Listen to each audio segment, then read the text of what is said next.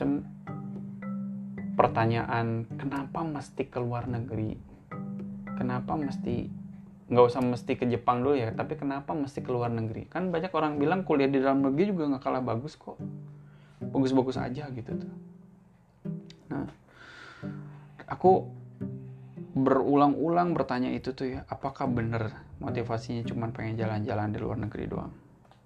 Apakah ada yang lebih strategis dibanding itu gitu nah yang akhirnya ada satu yang dari semua alasan gitu ya yang ada yang idealis dan segala macam gitu. Yang kayak nanti akan mendapatkan relasi nanti akan mendapatkan koneksi pengalaman berinteraksi sama orang-orang internasional. Yaitu ada di dalam benak aku tetap aja. Dan itu salah satu menjadi utama. Tapi satu lagi yang benar-benar membuat aku termotivasi itu adalah gini. Anak bun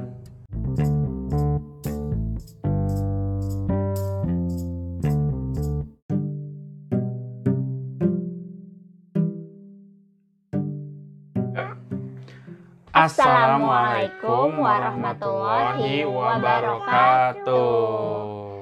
Kembali lagi dengan keluarga Sotoy bersama Bunda Abi, Abi dan siapa?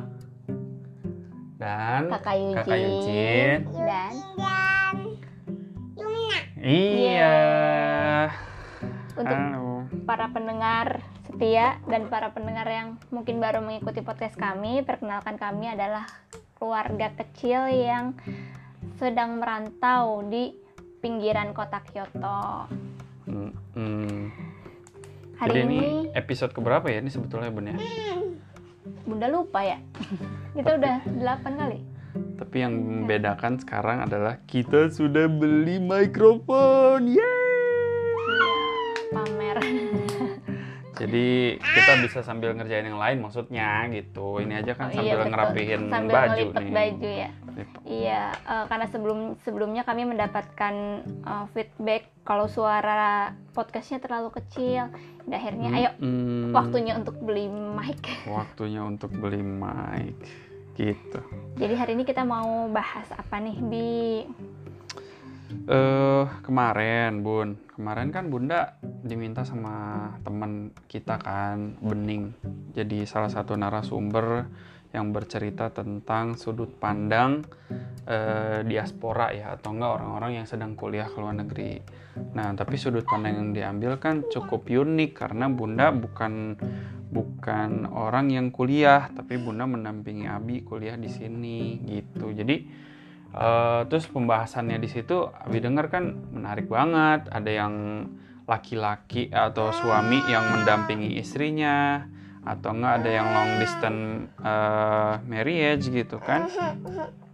Yang berpisah gitu. Jadi eh, yang studi di luar negeri terus orangnya eh, apa pasangannya tinggal di Indonesia gitu. Nah, menurut aku kayaknya menarik deh karena akhir-akhir ini juga aku sering diminta kan jadi narasumber ke Gugi. Gimana dong ceritain caranya bisa kuliah di Jepang gitu kan ya? Terus ya akhirnya ada pertanyaan ya emang kenapa sih mesti ada kuliah di Jepang ya? Kayaknya kita mesti bahas itu deh bun. Boleh nih. Kemarin itu jadi emang seminarnya tentang privilege ya, privilege orang-orang yang kuliah di luar negeri yang didampingi pasangan dan ti- Hmm, long di- didampingi suami didampingi istri, istri didampingi suami dan yang long distance marriage gitu. hmm, hmm, Nah, mungkin kita sekarang bahas tentang yang hal mendasar dulu kali ya, Bi. hmm, hmm. Penting nggak sih kuliah di luar negeri? nah itu Buka. iya kan itu itu harusnya Puji buka. menjadi hal yang mendasar kan Iya, kenapa sih kok orang-orang ya pada semangat berburu beasiswa misalnya kul- untuk kuliah di luar negeri? Hmm, Eh, ini juga pertanyaan mungkin para apa ya pahlawan-pahlawan kita dari zaman bahla nih. Orang-orang dulu pada ngambil kuliah di luar negeri. Sepenting apa sih? Apa yang kosong? Oke, jadi kita isi dulu ya kak. Sekarang dengan diskusi penting nggak sih kuliah di luar negeri? Menurut Kak Yujin penting nggak? Penting. yes. Oke jadi bunda juga pen- penasaran nih pengen tahu sejak kapan sih Abi ada mimpi kuliah di luar negeri?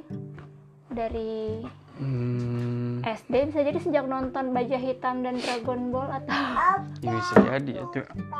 Coba aku inget-inget dulu ya.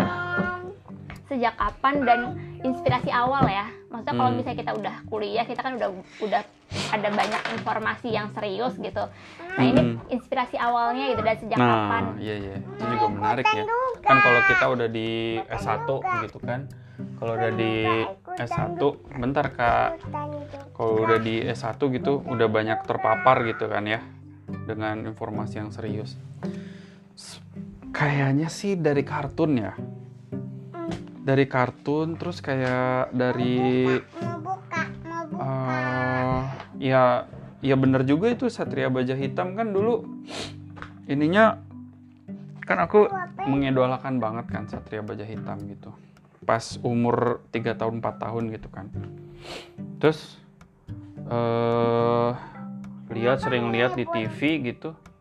Nah pas di di endingnya itu kan suka ada gam suka ada scene dia si Kotaro Minami ini lagi naik motor kan? Mm-mm, aku Tapi- ingat adegan itu. bukan dia yang jadi ini kan? Bukan dia pas lagi jadi eh, baja hitamnya tapi jadi orangnya gitu kan? Oh iya. Terus banyak tulisan-tulisan aneh kok ini tulisan apa sih? Aku nggak pernah ngeliat gitu alfabetnya ini.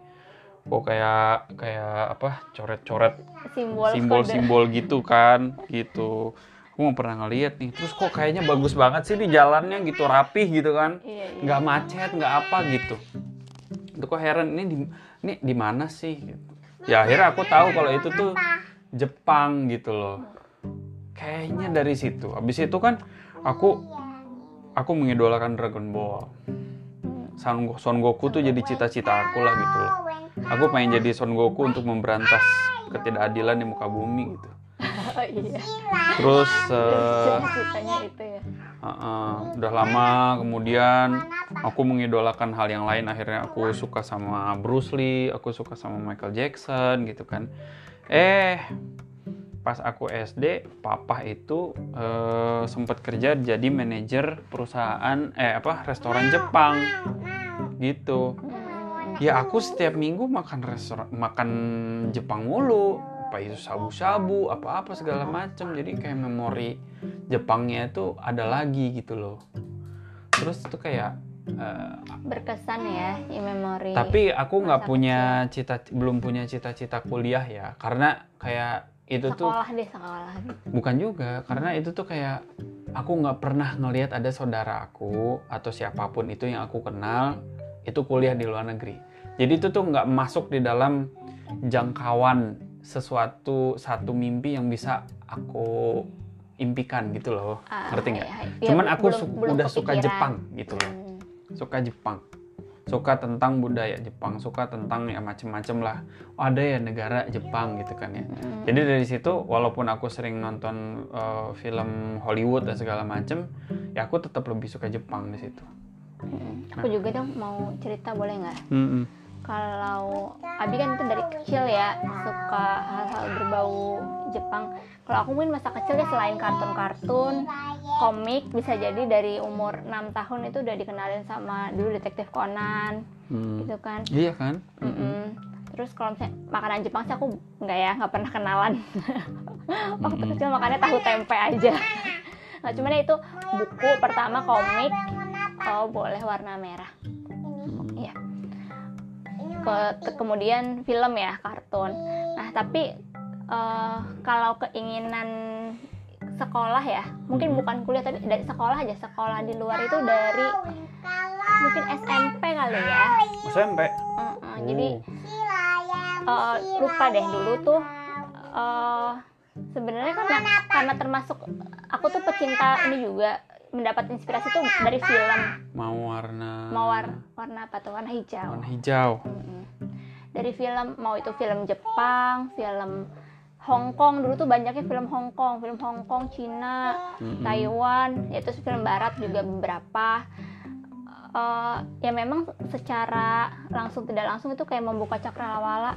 Seru ya kayaknya di luar ingin ingin tahu ingin apa. Dan yang terpikirnya adalah kalau misalnya keluar jalan-jalan itu kan mahal. Mm-mm.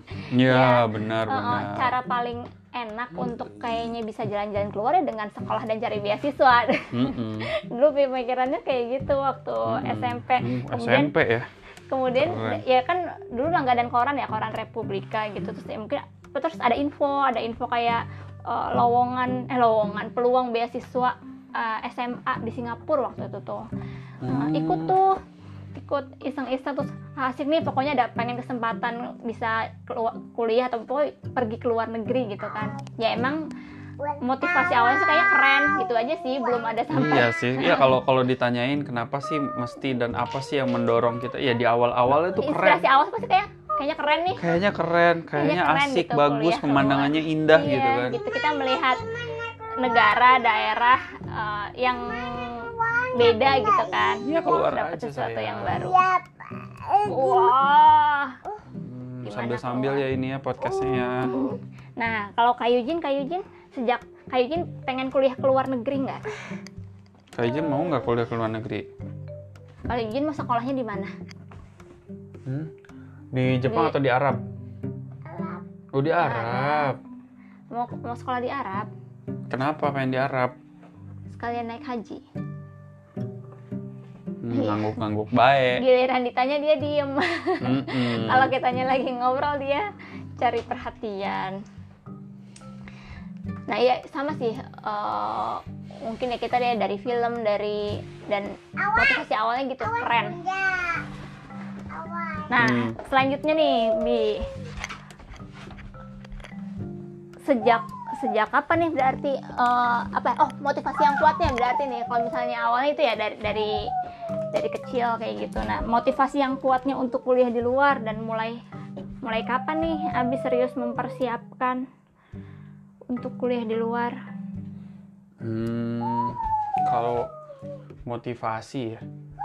Nah karena aku awalnya itu baru suka doang Jepang gitu ya, baru suka doang ya luar negeri. Kayak aku kayak aku jadi eh, nilai bahasa Inggrisku pun bagus gitu ya. Artinya bahasa Inggris itu kan relate sama sesuatu yang berbau-bau luar negeri, ya nggak Iya sih. Gitu kan ya.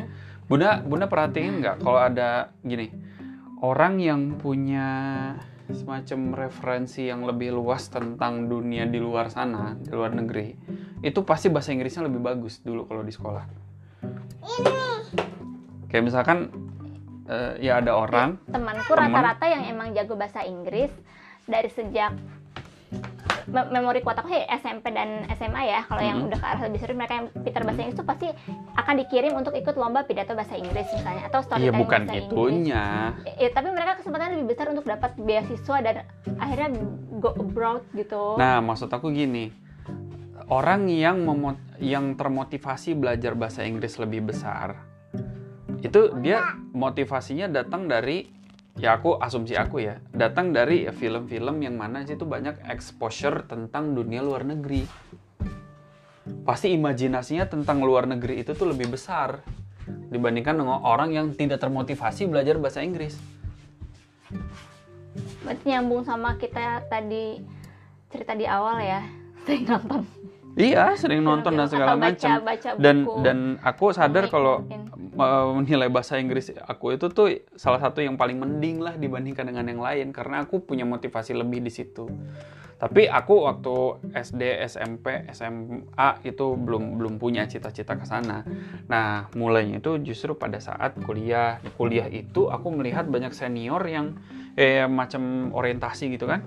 Di orientasi uh, mahasiswa gitu di awal masa-masa ospek. Hmm. Nah, itu banyak kan senior-senior yang sharing pengalaman tentang pengalaman mereka ke luar negeri gitu. Ternyata bisa ya. Gitu. Jadi kuliah ke luar negeri atau enggak sampai ke luar negeri itu bisa jadi kenyataan bukan hanya mimpi gitu. Dari situ aku langsung nyari informasi apa segala macam apa yang harus bisa harus aku lakukan untuk mencapai itu gitu tuh.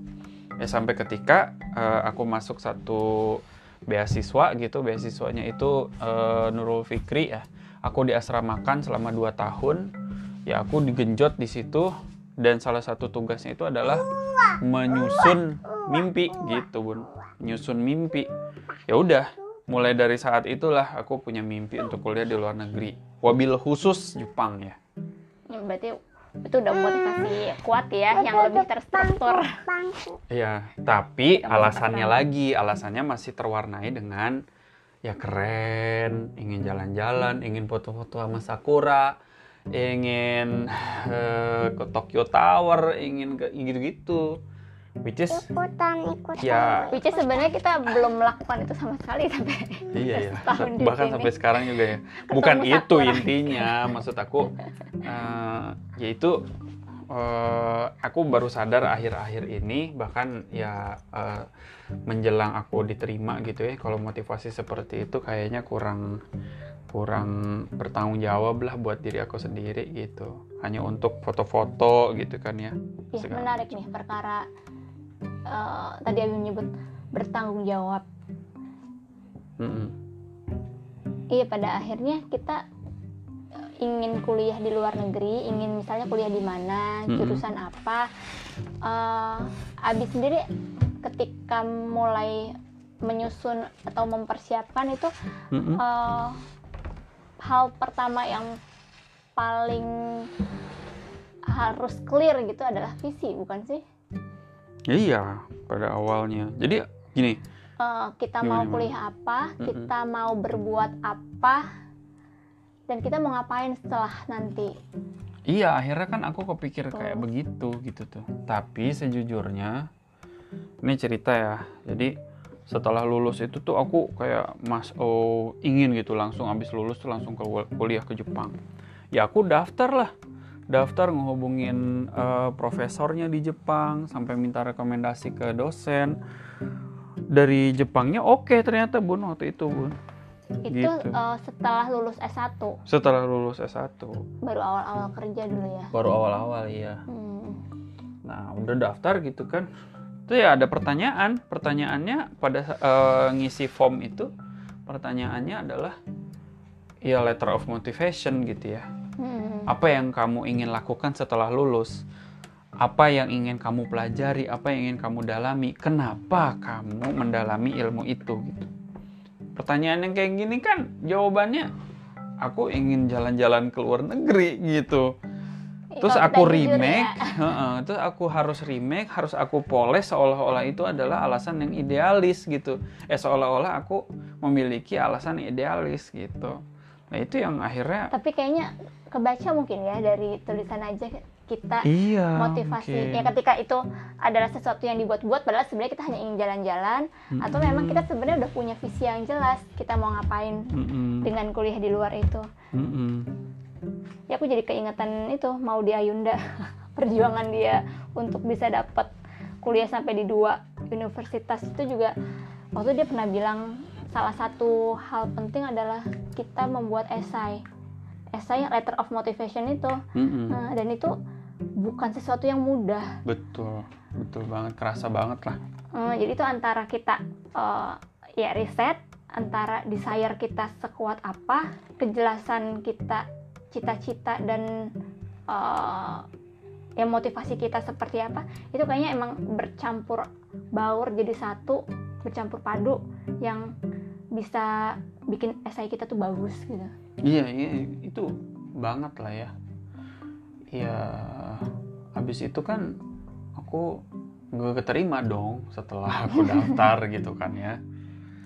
Dan aku penasaran kan, saking penasarannya kan, kalau aku waktu itu mati, aku bakal mati penasaran kan. Kenapa gitu? Nah, habis itu ya aku sampai nyari peluang untuk kerja di pokoknya sesuatu atau enggak nyari tahu lah gimana caranya supaya dapat beasiswa gitu kan. Aku kerja di LPDP waktu itu. Hmm, tiga bulan ya? Tiga bulan waktu itu kerja di sana gitu kan. Pengen nyari tahu nih nih orang-orang ini nih yang kuliah ke luar negeri yang keren-keren banget nih. Apa sih yang ada di dalam otaknya gitu? Apa sih yang ada di dalam persyaratannya? Seperti itu. Ya udah di situ akhirnya aku belajar bahwa ya ternyata eh, apa namanya i, ya mereka emang udah clear mau ke mananya mau ngapain gitu tuh Adapun yang belum clear karena dia belum punya pengalaman kerja dan segala macam, tapi dia udah jelas mau jadi dosen. Kalau jadi dosen ya nggak perlu pengalaman kerja dong, kuliah kuliah aja.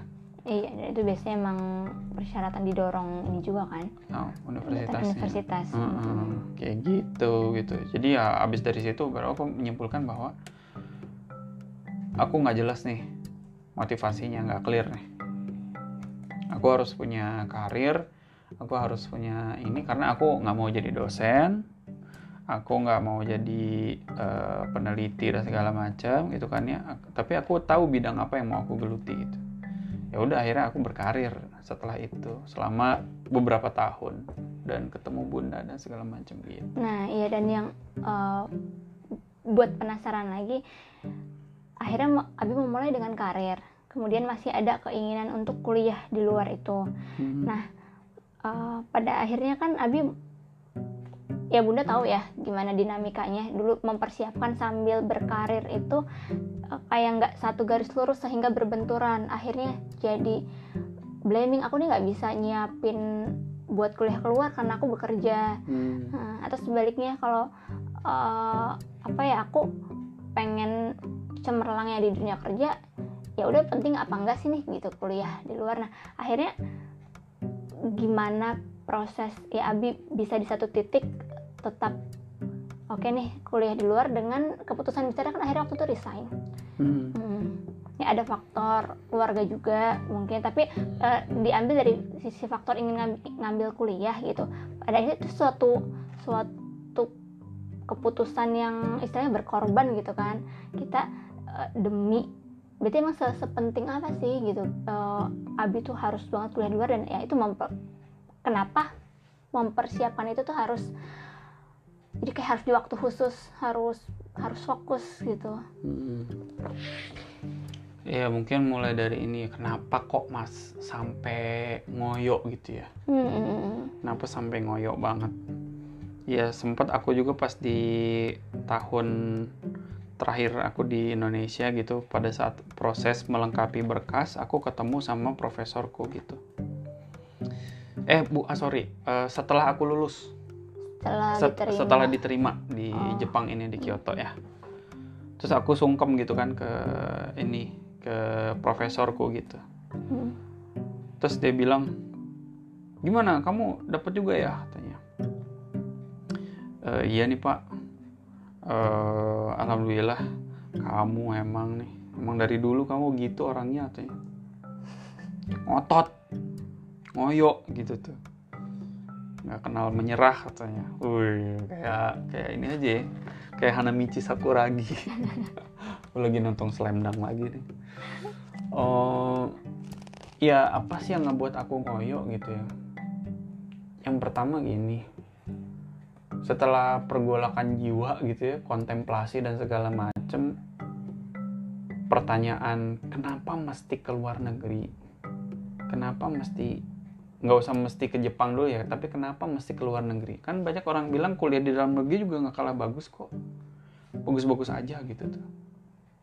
Nah aku berulang-ulang bertanya itu tuh ya apakah bener motivasinya cuma pengen jalan-jalan di luar negeri doang apakah ada yang lebih strategis dibanding itu gitu tuh. Nah yang akhirnya ada satu yang dari semua alasan gitu ya yang ada yang idealis dan segala macam gitu. Yang kayak nanti akan mendapatkan relasi nanti akan mendapatkan koneksi pengalaman berinteraksi sama orang-orang internasional. Yaitu ada di dalam benak aku tetap aja. Dan itu salah satu menjadi utama. Tapi satu lagi yang benar-benar membuat aku termotivasi itu adalah gini. Anak bun. Hmm. unik kan? Anak. Jadi setelah aku sortir anak ini jadi motivasi utama. Aku ingin anak-anak aku itu mengenal orang tuanya adalah orang adalah orang yang tidak pernah menyerah den- dengan mimpinya aku ingin memberikan banyak referensi kisah perjuangan buat menjadi modal percaya diri anak-anakku nanti. bukan berarti nanti aku ingin anak-anak aku itu tuh menyombongkan oh, orang tua gue pernah aku kuliah di Jepang segala macam itu sama sekali bukan tujuan dan uh, sama sekali nggak boleh gitu ya tapi aku ingin memberikan semacam bottom line kalau keluarga kita ini adalah keluarga yang mampu bermimpi dan mampu mewujudkan. Mampu memperjuangkan mimpi. mampu memperjuangkan dan mampu mewujudkan gitu tuh. Apa pun mimpinya ya.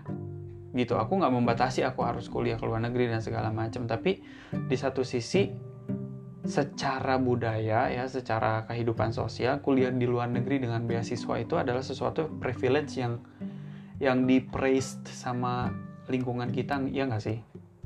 Iya iya. Gitu. Kayak keluarga aku misalkan aku uh, di keluarga mamah uh, aku satu-satunya cucu yang akhirnya bisa kuliah ke luar negeri. Di keluarga papa uh, aku cucunya juga yang pertama kali keluar ke, kuliah ke luar negeri. Adapun uh, sepupu aku yang satu itu suaminya yang kuliah di, di luar negeri gitu ngikut gitu tuh ada sesuatu yang yang spesial gitu tuh dan karena sesuatu yang spesial ini, aku ingin memberikan kesan yang spesial juga buat anak-anakku.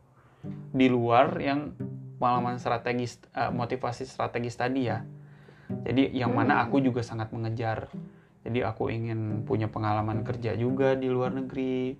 Aku ingin uh, memperbanyak relasi dan segala macam. Tapi satu yang paling memotivasi itu ya anak gitu tuh dan aku kayak nggak mau kalau aku kerja mohon maaf di satu perusahaan sampai aku pensiun gitu kan ya kerjaannya ngumpulin duit kerjaannya itu mengeluh karena SPPD nggak nyampe-nyampe gitu kan ya pekerjaannya itu selalu ngo, apa ngomongin bos di belakang gitu tuh. Aku nggak mau menjadi dewasa dan menjadi tua dengan circumstances kayak begitu.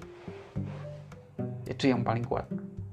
Iya ya terkait anak ini masuk ini sih pembahasan nanti aku pengen pengen uh, kita bahas tentang manfaat dan dampak kuliah di luar. Salah satu tulisannya uh, Bu Eli Risman anaknya anaknya Bu Eli Risman juga uh, penting untuk mengenalkan anak dengan seluas mungkin dunia hmm. dan memang salah satu caranya adalah uh, ya kalau misalnya kita konglomerat kita bisa gampang misalnya tiap liburan kita keliling dunia ya hmm. Hmm. tapi memang ya mungkin seperti yang aku pikirkan di SMP tadi tuh cara paling gampang keluar negeri tanpa perlu susah-susah misalnya keluar duit ya dengan cari beasiswa dengan cara kuliah gitu hmm. nah itu uh, apa cara kita juga bisa dengan akhirnya bisa membawa anak-anak uh, keluar misalnya nanti kita lanjut sekolah lagi ke negara yang berbeda bisa hmm. jadi hmm. kita bawa anak-anak lagi mengenalkan lagi dengan tempat yang baru dengan budaya baru teman-teman baru gitu memang ya kita akhirnya mem memperlihatkan ke anak-anak uh, kekayaan Allah uh, keragaman manusia uh, luasnya bumi Allah ini gitu yang harus kita kita tafakuri gitu. Itu tuh uh, dan ya itu itu akan menumbuhkan pertama uh, kepercayaan diri untuk anak kemudian anak wawasannya itu kan jadi modal belajar juga gitu hmm. modal belajar jelas buat anak hmm. dengan melihat langsung tidak hanya dari buku gitu yang bisa jadi hmm. lupa gitu ya dengan hmm. mengalami jelas dia pasti akan memorinya lebih kuat hmm. iya yes, bener banget sih itu bi ya kan salah satu narasumber yang jadi apa tandem bunda waktu seminar itu kan yang kuliah di Amerika kan dia bilang salah satu motivasinya itu adalah karena orang tua saya juga dulu kuliah di luar negeri maka iya, saya juga harus bisa gitu menjadi kan. modal menjadi model hmm. jadi model juga memang buat anak hmm. kayak apa bottom line untuk mimpi-mimpinya anak ya hmm. dan aku nggak mau nggak mau eh, yang membatasi gitu ya gitu itu krusial sih menurut aku yang waktu itu kayak aku waktu resign gitu kan ya kita aku resign terus aku yeah. dapat kerja tapi kan eh, nggak uh, setinggi sebelumnya gitu kan ya hitungannya kayak berwirausaha juga ya hmm. terus kemudian saat aku gagal lagi gagal lagi gitu kan aku kayak menemani anak tidur itu ya timbul motivasinya di situ saat misalkan aku belai kepalanya. "Eh, nak gitu. Eh, aku ingin eh, Abi ingin kamu punya orang tua yang nggak biasa-biasa aja gitu tuh. Biasa-biasa aja bukan dalam konteks harta bukan dalam konteks apa tapi dalam dalam konteks perjuangan gitu. Sama achievement. Nah ya di situ tuh yang akhirnya bergejolak gitu. Akhirnya di di samping eh, apa motivasi dari bunda motivasi dari mama terutama ya mama ya kayak kan tetap aku harus minta restu juga dari orang tua gitu. Walaupun aku sudah berkeluarga ya orang tua aku alhamdulillah selalu mendukung gitu. Walaupun nggak kebayang juga kalau kalau apa ya dia tuh punya anak yang punya cita-citanya kuliah ke luar negeri gitu nggak masuk dalam radarnya keluarga besarku gitu atau keluargaku tapi gitu. kan ya alhamdulillah akhirnya kayak walaupun nggak terbayang tapi ya restu ridho dan Hmm. doa Hmm, itu yang memuluskan sebenarnya Hmm. me- hmm. ya karena aku melancarkan perlu perlu mimpi-mimpi abi nyampein lagi ya kayak eh, aku posting tuh salah satu post di eh, LinkedIn ya. Kalau aku tuh bilang kalau aku tuh sempat merasa dibesarkan di dalam lingkungan yang tidak mendukung terbentuknya cita-cita dan motivasi besar. Gitu. Jadi asalkan kamu bisa survive itu cukup lah. Gitu. Aku dibesarkan dengan situasi seperti itu gitu. Jadi untuk memiliki mimpi besar itu tuh bukan sesuatu yang eh, secara naluriah bakal didukung gitu tuh bahkan malah diketawain gitu jadi aku nggak mau anak-anakku itu besar di dalam situasi seperti itu Oke, jadi itu kita bungkus ya terkait perjuangan dan menjadi model untuk mimpi-mimpi besar keturunan-keturunan kita nanti. Mm-mm. Nah, sekarang terakhir deh, biar nggak lama-lama, udah 30 menit aja ini. Ekspektasi dan realita kuliah di luar negeri. Hmm, ekspektasi Ekspektasi apa ya? Misalnya baik lagi kayak waktu kecil, ekspektasinya iya aku mau asik nih nanti sambil kuliah jalan-jalan. Realitanya gimana? Empret. Empret itu ya bisa aja sih kita jalan-jalan ya. Tapi kayak aku nggak terpikirkan gitu loh untuk jadinya. Jadi aku ya sebelum datang ke Jepang gitu pengen datang ke sini, pengen datang ke situ. Tapi setelah da- setelah udah ada di sini gitu ya, kita nggak keluar keluar tuh dari Kansai, ya kan? Nggak keluar keluar dari paling jauh ke Kanazawa. Ya lah itu Kanazawa tuh kayak Ishikawa ya. Ishikawa, Ishikawa. Ishikawa itu dari kayak Jakarta ke Bandung doang itu. Jakarta, iya Jakarta ke Bandung doang. Tokyo kita belum. Tokyo kita belum. Tegar mah udah nyampe Hokkaido, Tegar. Udah Iya. Hokkaido Tokyo kan. Hokkaido, Tokyo gitu kan kita Kayak- belum. kayak semua tergantung niat ya. Mm-mm. Karena Emang kalau karena ya ya udah setelah setelah aku dalamin gitu ya. Ya pertama ya memang nggak ada waktu terus yang kedua malah proses belajar itu yang membuat aku tertarik ketagihan dan ya udah akhirnya aku fokus aja di situ gitu tuh aku sangat enjoy banget jadi kayak kayak orang yang bener-bener merindukan apa ya belajar gitu tuh dan itu juga Hmm. Ah, dan itu juga aku bersyukurnya karena aku sudah memantapkan apa tujuanku gitu. tuh. Jadi bukan bias lagi jalan-jalan dan segala macem yang Iya. yang nanti akan ada pertanyaan terus habis lo jalan-jalan ngapain? Nah gitu tuh pertanyaan yang menyakitkan hati loh kayak begitu. ngevlog dong. Oke, ini pertama belajar versus jalan-jalan ya. Nah, yang berikutnya aku suka dengar eh, misalnya alasan iya loh kalau misalnya kuliah keluar kita akan membuka memperluas jaringan, punya banyak teman apa segala macem. Tapi dulu aku inget banget ketika teman aku dapat S1 dia di Turki gitu. Dia bilang "Eh, kalau S1 enaknya di Indonesia aja deh gitu. Di luar negeri itu nggak istilahnya nggak keren organisasinya beda sama misalnya kita dari sejak sekolah kan ada osis kemudian di kuliah itu ada bem gitu kita digojlok untuk apa ya mental berorganisasi nah Mm-mm. sementara kuliah di luar itu eh, tidak seperti itu mungkin atmosfernya gitu Mm. jadi Mm-mm. lebih individualis Eh, ya ini kasuistik ya tapi eh, dari beberapa role model atau teman-teman aku yang memang sejak S1 kuliah di luar gitu juga eh, memang kelihatan seperti itu sih jadi be- beda dengan anak-anak yang eh, S1 di dalam negeri dan Mm-mm. mereka aktivis gitu Mm-mm. jadi justru malah kalau yang di luar tuh cenderung individualis gitu cenderung jadi memperluas jaringannya eh, kalau misalnya itu yang jadi alasan itu menjadi kontradiktif gitu kalau misalnya menurut aku akhirnya aku menyimpulkan kayak gitu. Mm-mm. nah dari pengalaman Abi sendiri ya sekarang udah ada di PPI kan nih? Ya S2 tapi ya. S1 ya. Sebetulnya aku S1 nggak bisa banyak komentar juga sih karena kan eh ya aku kan ke sini S2 kan gitu. Cuman yang jelas kalau aku misalkan ngelihat ya nggak bisa digeneralisir sih. Tapi aku mi- mungkin bisa bilang iya kebanyakan anak-anak S1 di Indonesia itu tuh beda banget ya beda banget dalam ini menurut aku beda banget perangai sosialnya oh iya maksud aku eh, interaksi sosial Iya, jadi itu itu sangat dipengaruhi eh, apa namanya tempat di mana dia berkembang gitu ya. Jadi ya sangat dipengaruhi oleh budaya negaranya juga gitu.